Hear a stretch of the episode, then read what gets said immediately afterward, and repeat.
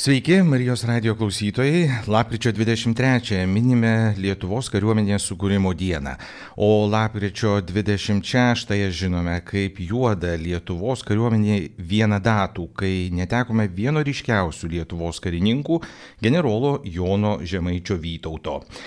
Jonas Žemaitis, Lietuvos karininkas, rezistentas, partizanų, ginkluotųjų pajėgų vadas ir organizatorius, pasipriešinimo Lietuvos okupacijai koordinatorius. 49-ųjų vasarį vykusiame Lietuvos partizanų vadų suvažiavime Žemaitis išrinktas Lietuvos laisvės kovos sąjūdžio tarybos prezidimo pirmininku, laikinai ėjo gynybos pajėgų vado pareigas. Sovietų saugumo 1953 gegužę, kai buvo išduota jo slapstimosi vieta, Žemaitis suimtas gyvas, sušaudytas 54 lapkričio 26 Maskvos Butirkų kalėjime. 2009-aisiais kovo 12-ąją Lietuvos Seimas pripažino Joną Žemaitį kovojusio su okupacija Lietuvos valstybės vadovu, faktiškai vykdžiusiu Respublikos prezidento pareigas. Kas buvo Jonas Žemaitis, kuo svarbus Lietuvai ir jos kariuomeniai pasipriešinimo istorijai, kalbame su Gyventojų genocido ir rezistencijos tyrimų centro istorinių tyrimų programų skyriaus vyriausiųjų istoriku, daktaru Dariumi Juodžiu. Sveiki.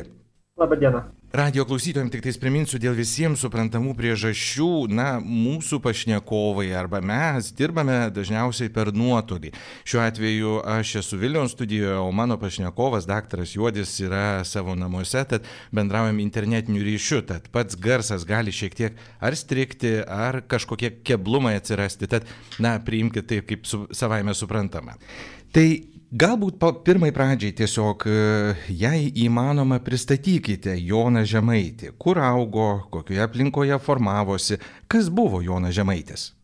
Žinoma, reikėtų pradėti nuo gimimo datos. Tai Jonas Žemaitis gimė 1909 m. kovo 15 d. Palangoje. Kai kurios dokumentai leidžia teikti, kad jo pirma pavardė buvo Žemaitaitis, o vėliau jinai buvo sutrumpinta ir šeima pasivadino Žemaičiais. Jo tėvas buvo pienininkystės specialistas, todėl e, Žemaičio vaikystėje jisai keliavo, vienu metu net gyveno dabartinės Lenkijos teritorijoje Lomžoje, vėliau jau grįžo į Raseinių apskritį. Be Jono Žemaičio šeimoje dar augo ir jo sesuo Kotryna. Jis baigė Raseinių gimnaziją, ten toks buvo paminėtinas tik tai momentas, kad jisai tik tai vienam biografijos faktas yra užfiksuotas, kad jis kažkiek tai buvo politinėje veikloje. Tai jis priklausė socialdemokratinės pakraipos vienam bureliui, sporto draugijai, bet jisai savo ateities su politiniais reikalais niekada nesusijėjo ir jau vėliau nematome jokios veiklos politikoje. 1926 metais jis įstojo į karo mokyklą, kurią po trijų metų baigė ir jam sutiktas karinis laipsnis.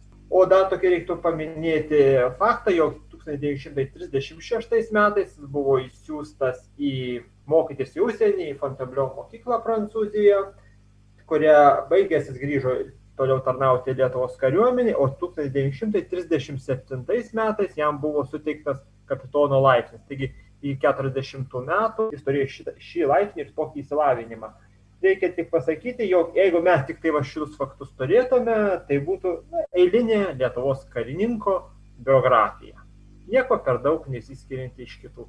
Visas išskirtinumas Jono Žemaičio tai yra jo, jo veikla pokario metais. Tai galima taip paprastai tarti, kad žemaitis iš žemaitijos, užaugęs tenais, arba bent jau gimtoji vieta yra.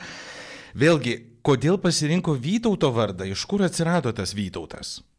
Vytautas jis buvo labiausiai dabar mums yra žinomas jos slapyvardis ir jis jau tos pagrindinius, sakysim, dokumentus pasirašė Vytauto slapyvardžiu, bet reikia sakyti, kad per visą partizanavimo laiką jis turėjo ne mažiau dešimties rašytinių slapyvardžių, tai reiškia pasirašydavo vienos ar kitus dokumentus. Ir dar nemažiau žinomų jam yra dešimt sakytinių, reiškia jisai prisistatydavo kalboje vienu ar kitu slapyvardžiu. Bet Vytautas jau čia buvo jo dažniausiai naudojamas slapyvardis nuo 1948 metų. Čia žinoma, aš tokio neturiu aiškaus atsakymo, dėl ko būtent Vytautas, bet jau čia man norom nenorom tai yra susiję man su viduramžių Lietuva, su vieno iš žemiausių Lietuvos kunigaikščių Vytauto. Įsiaiškinom, kad turėjo visgi ne vieną slapyvardį ir bandė mėtyti tam tikras pėdas. Bet žinom, kad sovietų saugumas Žemaitį bandė rasti ir ne vieną kartą. Ką darė, kaip darė, kokius metodus naudojo, kaip pavyko įsilaikyti Jonui Žemaičiui taip ilgai pogrindyje? Žinoma, jau kaip jis tik pradėjo partizanauti, jau jisai ir pakliuvo į sovietų saugumo įskaitą žinoma jo ieškota per visus šiuos metus kiek jis būtent partizanavo iki 53 metų arešto. Bet aš vis dėlto matau daug ir nesėkmių sovietų saugumo veikloje, jo paieškose. Kaip pavyzdį, sakyčiau, užverbuojami agentai jo paieškai, bet jie mm, nedirba. Jie vadinami dvuraišnikai, tai reiškia dviveidžiai, tokie vengiantys darbo arba jie dar neužverbuojami iki 53 metų tokio asmens, kuris jau turėtų labai artimą ryšį su žemaičiu. Nesiseka. Arba netgi, kaip pavyzdį galiu sakyti, tardomieji žmonės, kurie turėjo ryšius su žemaičiu, nepasako svarbios informacijos. Kaip pavyzdį galiu pasakyti, jau čia 53 metų situacija yra suimamas žmogus, net pavyzdžiui pavardę, Kleopas Kritskis, kuris teikė medžiagą to bunkerio, kuriame Jonas Žemaitis slėpės lentas, ten teikė va, tą būtent reikalingą medžiagą. Bet jis tardymo metu apie tai nepasakė. Jeigu būtų pasakęs, tai tikrai žinojo tą vietą. Taigi štai tokį irgi buvo sėkminga, jog artimi jo žmonės nepasakydavo. Bet pavojus visada kildavo jau kada sovietų saugumas išeidavo ant tokios tiesioginės linijos, kuri atvesdavo partizaną į link arešto. Tai pavyzdžiui, kaip čia yra dalykas, jog sovietų saugumas 53 metų jau pavasarį jau žinojo apytikslę vietą, kur Jonas Žemaitis slepiasi, tai yra Šimkaičių miškas. Ir tenais jau buvo suprasta, kad jisai slepiasi Juozo Palobetsko bunkeryje. Ir jau buvo sovietų saugumo tikslas suimti Juozą Palobetską, nes tai buvo artimiausias ryšys Žemaičiui.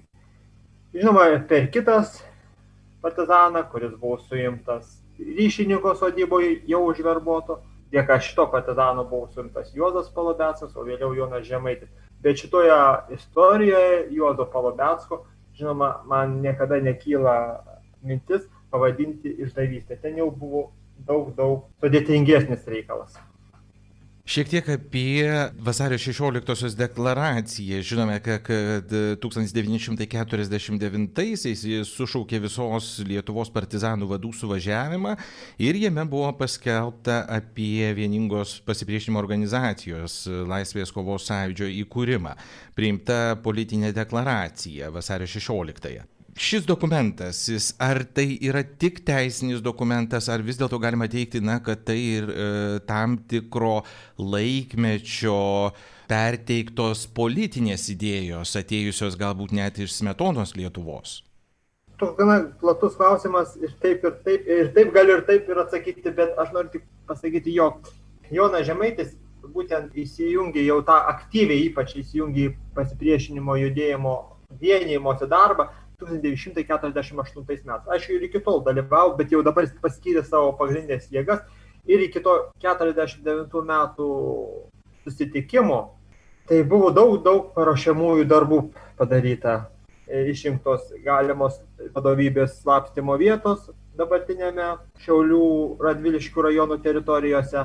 Taip pat buvo susitikta su rytų Lietuvos partizanais jau 48 metų rudenį jau ten buvo atkurta organizacija, tavo vadinamas BDPS prezidiumas, kuris turėjo vienyti, na, o 49 metais jau pavyko susitikti platesniam partizanų ratui.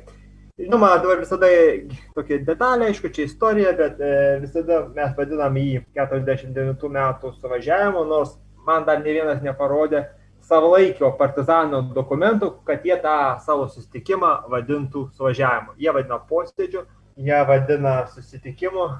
Šis važiavimas atsiradęs terminas jau po 90 metų. Bet tik ką norėjau grįžti prie deklaracijos. Būtent vienas pagrindinių partizaninio pasipriešinimo dokumentų Lietuvos laisvės kovos sąjūdžio deklaracija. Jis žymėjo, jog yra sukurta bendra vieninti organizacija. O jau kokios tai mintis, žinoma, tai yra politinė deklaracija, bet reikia pasakyti, kad 1940 2009 metų vasario 16 dieną jinai buvo pasirašyta, bet nesukurta. jos mintys, jų minčių genezija jau prasidėjo nuo 1946 metų. O jau ypač panašus tekstas buvo parengtas 1947 metų gegužės mėnesį. Tuometiniai Tauro apygardos Pietinas jos autorius Alfonsas Vabalas baigęs teisės studijas Prancūzijoje. Taigi būtent e, ši deklaracija jau buvo, tekstas jos paruoštas 47 metais, o pasirašyta 49 metų vasario 16 dieną. Aišku, atlikus kai kurios pakeitimus tekste. Ten, žinoma, toj deklaracijoje yra deklaruojama ir ateities, kokia turi Lietuva būti, būtent, kad jinai demokratinė respublika, parlamentinė respublika. Na ir labai toks svarbus mano momentas yra socialiai orientuota valstybė. O visgi kokią tą Lietuvą įsivaizdavo partizanai? Tai turėjusi būti smetoninės Lietuvos tasa, ar visgi tai, ką jūs vat užsimenat, kad tai demokratiniais pagrindais paremta šalis?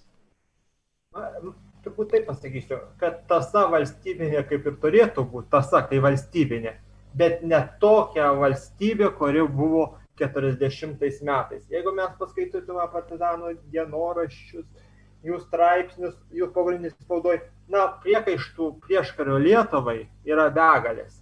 Kodėl taip įvyko 40 metais? Vat kodėl įvyko? Žinoma, kad buvo Sovietų sąjunga, kad jinai įvedė savo karinės pareigas, tai taip, čia, čia jau, kaip sakyti, priežastis aiški, bet, bet kad ar buvo viskas tvarkoj vidiniam gyvenime. Pavyzdžiui, tokia paskaitykime Tauro apygardos partizano kapeliono Justino Lelešiaus dienoraštį. Kiek priekaištų tai valdžiai dėl socialinės politikos, kiek jinai buvo, kokia jinai neteisinga, kaip jinai buvo ir viena priežasčių, dėl ko dabar tokia situacija įvyko. O ir, ir kitų partizanų raštuose galima daug kritinių pastabų. Todėl natūralu, kad jie norėjo valstybinės tasos, bet ne tokios Lietuvos su tokia valstybė sąranga, socialinė padėtim, kuri buvo 40 metais. Jų nuomonė, Lietuva turėjo būti geresnė, negu jinai buvo. Iki deklaracijos buvo nueitas ilgas kelias, kurį jūs šiek tiek jau ir peržvelgėt, bet einant tuo keliu, aš taip suprantu, e, ir patys partizanai. Brendo, augo, stiprėjo pats partizaninis judėjimas, idėjo, žmonės ir tik buvo prieita jau iki to taško jau pačio pasirašymo kaip vyko tas bendravimas kaip na jeigu taip galima jeigu iš tikrųjų tie prisiminimai atskleidžia e, pamatyti kaip visgi subrendo tie žmonės patys. Na juk nebuvo vadovėlių kur parašyta kad na tu partizanas darysi taip ir taip ir taip. Ne, žinoma, par, jūs teisingai pasakėt, vadovėlių nebuvo, daugelis buvo mokomasi praktikoje, čia jau jau ir patys prisiminimai, sakė, nei praktikos partizanų turi, na ir paprasčiausiai ne, nežinota, kas per jėgą bus e, panaudota prieš juos. Tai čia žinoma, viskas mokėsi praktikos. Bet čia toks yra irgi vertas dėmesio faktas, jog LLKS, būtent partizanis pasipriešinimo vieningoji organizacija, buvo sukurta silpnėjant jau partizanų fizinėms jėgoms. Tuomet, kada buvo gausiausi būriai, kada dar partizanai 45 metais saliginai atviriau veikė, tuo laiku nebuvo sukurta vieningoji organizacija. Jau 49 metais jau kaip mažėjo partizanų skaičius, mažėjo, mažėjo, bet pavyko sukurti organizaciją. Tuo laiku, kada jau po, būtent po šito susitikimo, kada partizanai pradėjo turėjo palaikyti tarpusavio ryšius, tai laiškus įvairius ten, na, ten buvo įvairūs įvairūs būdai, aišku, konspiraciniai būdai. Tai jau buvo taip jau atskiros apygardos, atskiri partizanai prarasdavo tarpusavį ryšius ne tai, kad ant mėnesių, bet ir ant pusės metų. Jau vienas apie kitą galėjo nežinoti. Tai ryšių palaikymas buvo įtin svarbus ir saugus dar, kad būtų saugus ryšio kanalai, kad tau atitinkamo informacijos slapta nepatektų į priešininkų gretas. Tai buvo didelis iššūkis, bet jau jį buvo įveikti jau labai sudėtinga. Bet partizanai dar po 49 metų per ryšininkus sugebėdavo palaikyti vienokius ar kitus ryšius. Bet jau, kaip sakyti, padėtis vis nuolat, nuolat sunkėjo ryšių klausimas. O kaip visuomenė reagavo į atsiradusią deklaraciją? Na, ar apskritai žinojo? Žinom šiandien kokius turim ryšių tinklus plačiaja prasme, o tuo metu tai pagrindinis ko gero sklaido žodis buvo tik spausdintinis ar rašytinis. Taip, taip, žinoma, aišku, partizanai galėjo žodinį skleisti informaciją, žodinį, bet žinoma, šita deklaracija kiek galima buvo platinama tuo būdu, jog aišku, jinai, jos nuorašai buvo keliauja į mažesnių, kaip sakyti, junginių apygardų rinktinių štabus Ir kitas dalykas, tai yra spausdinama pogrindžio spaudoje, partizanų, kitaip tariant, spaudoje. Ir buvo skleidžiama ši informacija. Reikia pasakyti, jog Lietuvos laisvės kovos sąjūdis, kaip vieningoji organizacija, buvo pripažinta visų tuo metu organizuotai veikusių partizanų tarpe.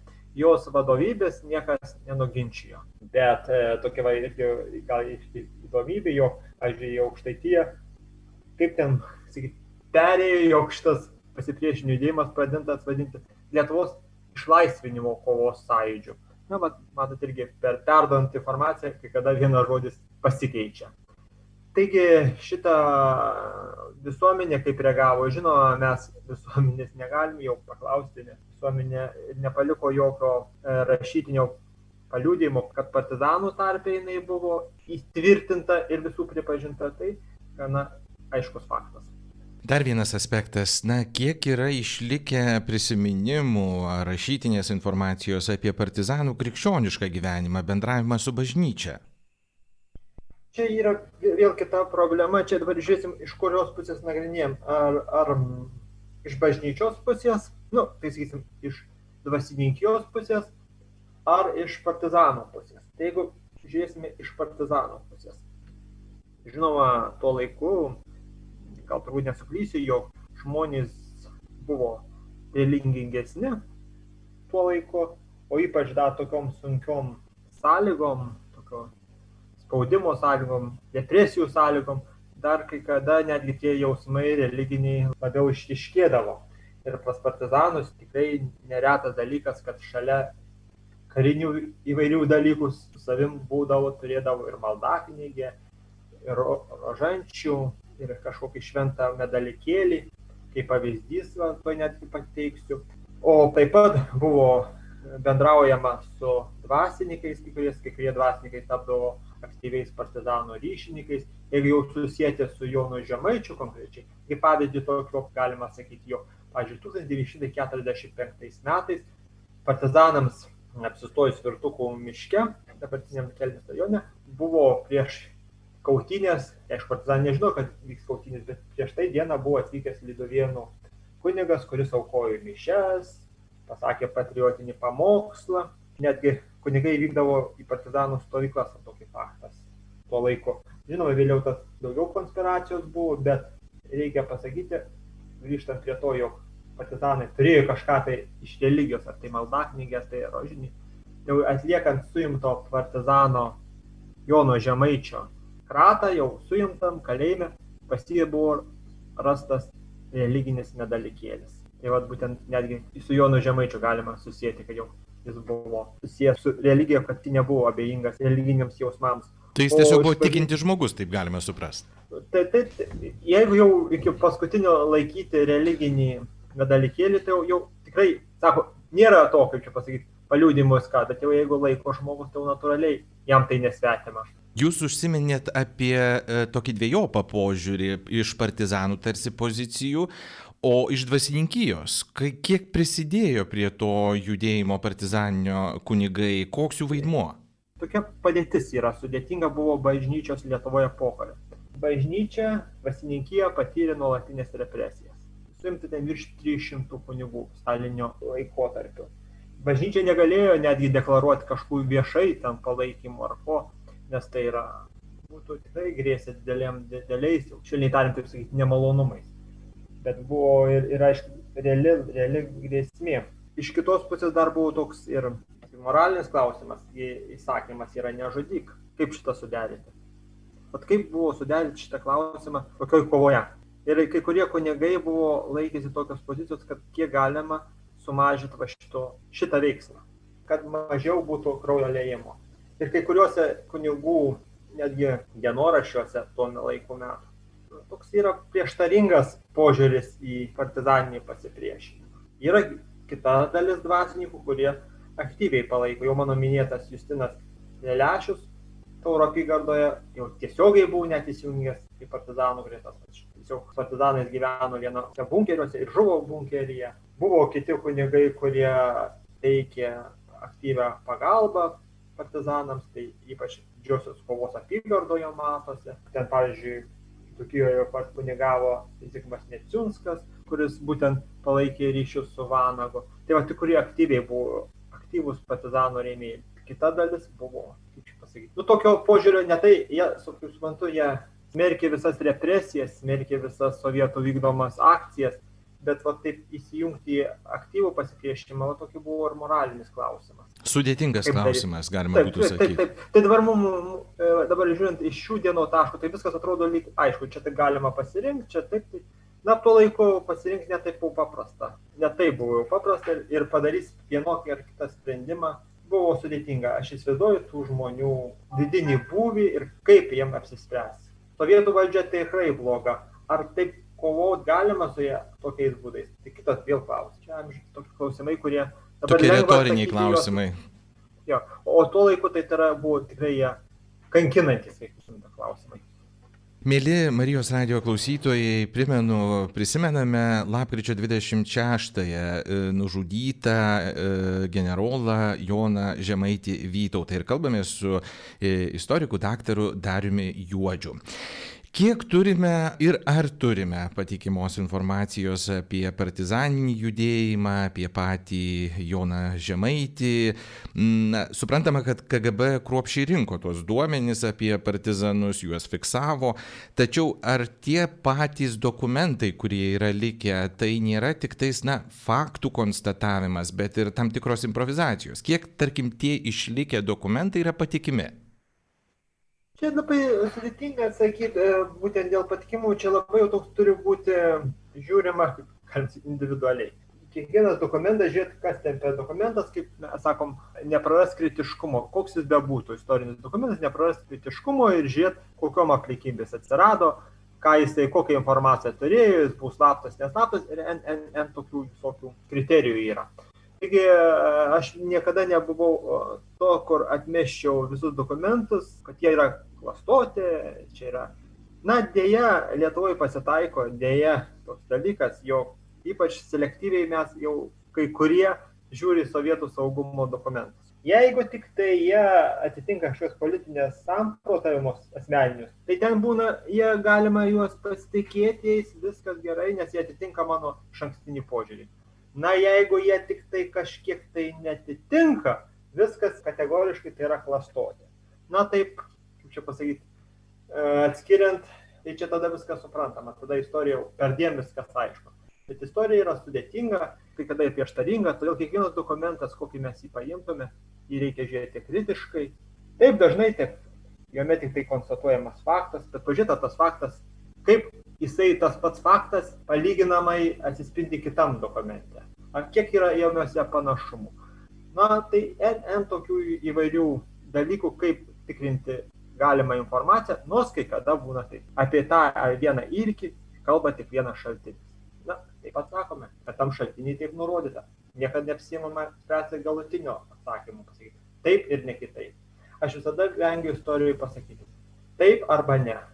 Nes tas atsakymas taip gali būti su paaiškinimu, o kaip atsakai, ne irgi su atitinkamu paaiškinimu. O kalbant apie Joną Žemaitį, tai kiek va, tos patikimos informacijos yra išlikę? Tikrai nemažai išlikę, kai mes jau mes bežiūrėtume, tikrai Jono Žemaičio biografija net kuriama pagal sovietų saugumo dokumentus, tai atkuriama ir pagal partizaninio laikmečio dokumentus. Taigi, palyginti biografiją galima jo sudėlioti tokią tvarkingai, chronologiškai, bet iš kitos pusės labai svarbu susisteminti visą informaciją, nes jos yra tikrai kada mažai ir ją susisteminti. Nepraleisti dokumentų, juos lyginti. Istorikų darbas kai kada būna surinkti informaciją iš visų galimų šaltinių. Ir tada jinai gausis tą patikima, kiek galima objektyvi biografija veikla norėsiu iš jūsų tam tikro tokio aiškumo arba taškų sudėliojimo. Jonas Žemaitis pagal dabartinį suvokimą yra prilyginamas prezidentui. O tuomet, kas jis buvo partizanam, tik vadas, idėjinis vadovas, judėjimo vadovas, kariuomenės vadas ar kas? 1949 m. vasario mėnesį partizanų susitikime posėdėje būtent taip. Jonas Žemaitis išrenkamas Lietuvos laisvės kovos sąjūdžio tarybos prezidiumo pirmininko. Tai reiškia aukščiausios pareigos tame pasipriešinimo judėjime. Ir jam yra suteikiamas partizanų generolo laipsnis. Pastebėsiu, jog partizanų generolo laipsnis tokiu būdu buvo suteiktas tik jam viena, vieninteliam. Daugiau partizanų generolų, tokių patvirtintų generolų mes neturime Lietuvos istorijoje. Mhm. Taigi partizano Jono Žemaičio vadovavimą irgi galima sakyti pripažino visi tuo metu organizuotai veikę Lietuvos partizanai. Kitas aspektas, ar galima būtų teikti, kad, na, partizaninis judėjimas buvo gyvas ir dėl to, kad, na, buvo vis tikimasi kažkokios vakarų pagalbos? Taip žinoma, jau antro pasaulinio karo metais pogrindžio spaudoje, internacinės pogrindžio spaudoje, vis dėlto jau viltys su Lietuvos išvadavimu buvo sietas su vakarais. Žinoma, atskriejo žinia apie Atlanto chartą pasirašytą 1941 metais. Ir ta Atlanto charta kaip dokumentų, juo netgi remiamasi pabaigoje LLKS 49 metų deklaracijoje. Taigi, Atlanto chartija va tokia dokumentas, kuris žadino viltis. Ir jau nuo 44-5 metų, o jau vėliau dar stiprėjo labiau, jog laukta pagalbos iš vakarų. Vis dėlto tikėta, kad prasidės karas tarp vakarų ir rytų ir tada Lietuva šiom aplinkybėm atgaus nepriklausomybę, atstatys valstybingumą. Šita viltis pagalbos iš vakarų buvo. Ir reikia pasakyti, jog partizanai visada siekė palaikyti ryšius su vakarais. Netgi tas pats Jonas Žemaitis rašė laiškus į vakarus lietuvių emigracinėm organizacijom prašydamas pagalbos būtent pasipriešinimo judėjimui. Iš išlikusių fotografijų dažnai matome, na, kad partizanai turėjo uniformas, tai tarsi atrodo, kad tai labai organizuota, nu, tokia struktūruota organizacija. Ar iš tiesų yra išlikę duomenų, kad, na, jie ir atspindėjo tą tokį sukarintą judėjimą, tai reiškia, kasdien dėvėjo uniformas ir panašiai? Ne, pagal patį tą statutus e, Lietuvos laisvės kovos sąjūdžio, tai jinai yra karinė visuomeninė organizacija. O čia reikia visada va šitas dalykas yra karinė ir visuomeninė. Ne vieno šitos dalies nepraleisti. Nes yra pačioje struktūra, kaip jinai kūrė, buvo gynybos pajėgų štabas, tai toks kaip karinis ir visuomeninis dalis. Tai būtent čia du dalykai, kurie nesuima. Kad jie taip jie stengiasi, kad būtų struktūrizuota. Štai pavyzdžiui, tam pačiam 49 metų vasario mėnesio posėdėje užfiksuota, jog būtų proteguojama Lietuvos kariuomenės uniformos nešiojama. Ir buvo paskelbtas konkursas, pavyzdžiui, vienam ženklui tas ženklas tai buvo antsiuvas ir ant rankovės ir kokarda, kad būtų bendra, nes uniformų gali, žinoma, visokių būti. O va čia, kad būtų vienas. Tai ir aišku, kad 49 metais jis buvo patvirtintas antsiuvas rombo formos su vyčio kryžiumi viduryje. Taigi, žinoma, ji buvo savalaikė karinė visuomeninė organizacija. Tai iš tų du va, tokius, kaip sakyti, polius mes turim visada turėti omeny, kai kalbame pasipriešinimą. Tai yra ne tokia tipinė kariuomenė, bet tai yra e, ne civilinė organizacija. Karinė visuomeninė organizacija. O visgi kalbant apie tą būtį, tai ar iš tiesų jie dėvėdavo tas uniformas kasdien? Nagi žinom, kokiom sąlygom jiems reikėjo slapstytis. Gi nebuvogi ten lygintuvo laidinė, su kuria tiesiog išsiprosidavo tą uniformą ir lenda į bunkerį. Na taip, aišku, pajokaujant kalbant, tai ko gero buvo sunkios sąlygos ir ne visi ko gero ir turėjo tas tokias uniformas su uniformom e, yra tokia, e, kaip sakyti, dalykas. Žinoma, jeigu mes žiūrėsime partizanų nuotraukas, kai kurias, ne visas, žinoma, galime įsivaizduoti, kad uniformos buvo kasdieninis rūbas. Bet iš kitos pusės mes turėkime ir praktinę. Partizanai gyvena labai sudėtingose sąlygose. Bunkeriai, miško stovyklos. Kiek tu galėsi vieną uniformą nešioti? Kiek jinai, jinai kiek nešios, jeigu batai suplyždavo, jau ką kalbėti apie medžiagą ant kūno, kuri bet kada nuolat dėvima, anot vieno partizano, sakė, netgi uniforma pūdavo, ties, e, rūbai tiesiog pūdavo drėgmėje bunkerį. Tai kiek tu gali panešioti ją? Tai čia tokia irgi vaizdinys yra, tai partizanai, skuba, buvo proteguojama, buvo siūloma, bet tikrai ne kasdieniam gyvenime. Kasdieniam gyvenime tokius lyg netiesioginis toks įrodymas, jog dažnai partizanai, nu, kažkuris vienas partizanas, pavyzdžiui, būna su uniforma nuotraukos. Uniforma, uniforma, kitų net nuotraukų nėra. O štai jo žuvusio nuotrauka jau yra su civiliais rūbais. Taigi, kaip pavyzdį galiu pasakyti.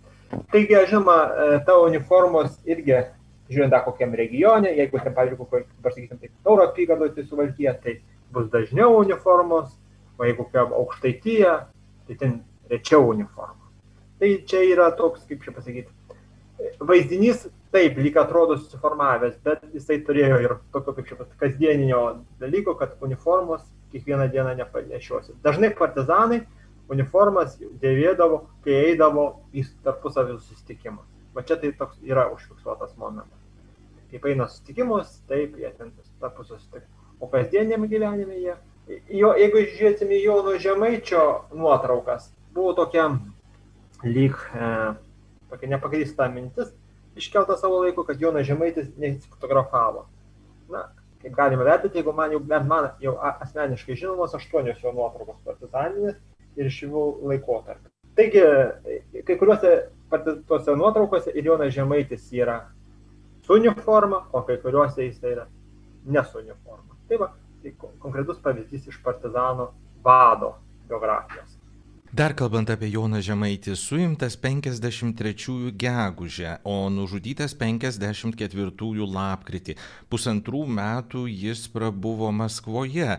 Be abejo, ne, ne kurorte buvo ir tardomas žmogus, ir žlugdomas, ir įvairiai veikiamas. Kiek yra išlikę tų patikimų duomenų, kas vyko per tuos pusantrų metų? Šiek tiek pradėjusi iš toliau, aš jau pradžioje minėjau apie Juozą Palobetską Deja, dabar taip lengvabūdiškai, kada literatūroje švaistomasi tokiais termais, išdavystė, ten išdavė Juozas Palubetskas, Jonas Žemaitį. Na, ypač keistai ir netgi skamba netgi naivokai iš tokių žmonių, kurie gyvenime niekada nebuvo susidūrę, kas tas yra sovietų saugumas, kas ten per struktūra, kaip jinai mokėdavo žmonės priversti dirbti ar nepriversti dirbti. Ir jeigu Juozą Palobetską mes paimsim, kuris buvo ištikimiausias e, Jono Žemaičio bendražygis nuo 51 metų pabaigos, kuris rūpinosi ir Žemaičio ryšiais, na, jis buvo ir akys, ir rankos Jono Žemaičiui, ypač jam pasiligojus. Ir štai jisai 53 metų suimtas gegužės 23 dieną, į bunkerį jis atveda tik e, gegužės 30 dieną. Jis sugeba atsilaikyti per spaudimus, įvos tardymus, na, tardymai ir su fiziniam poveikio priemonėm.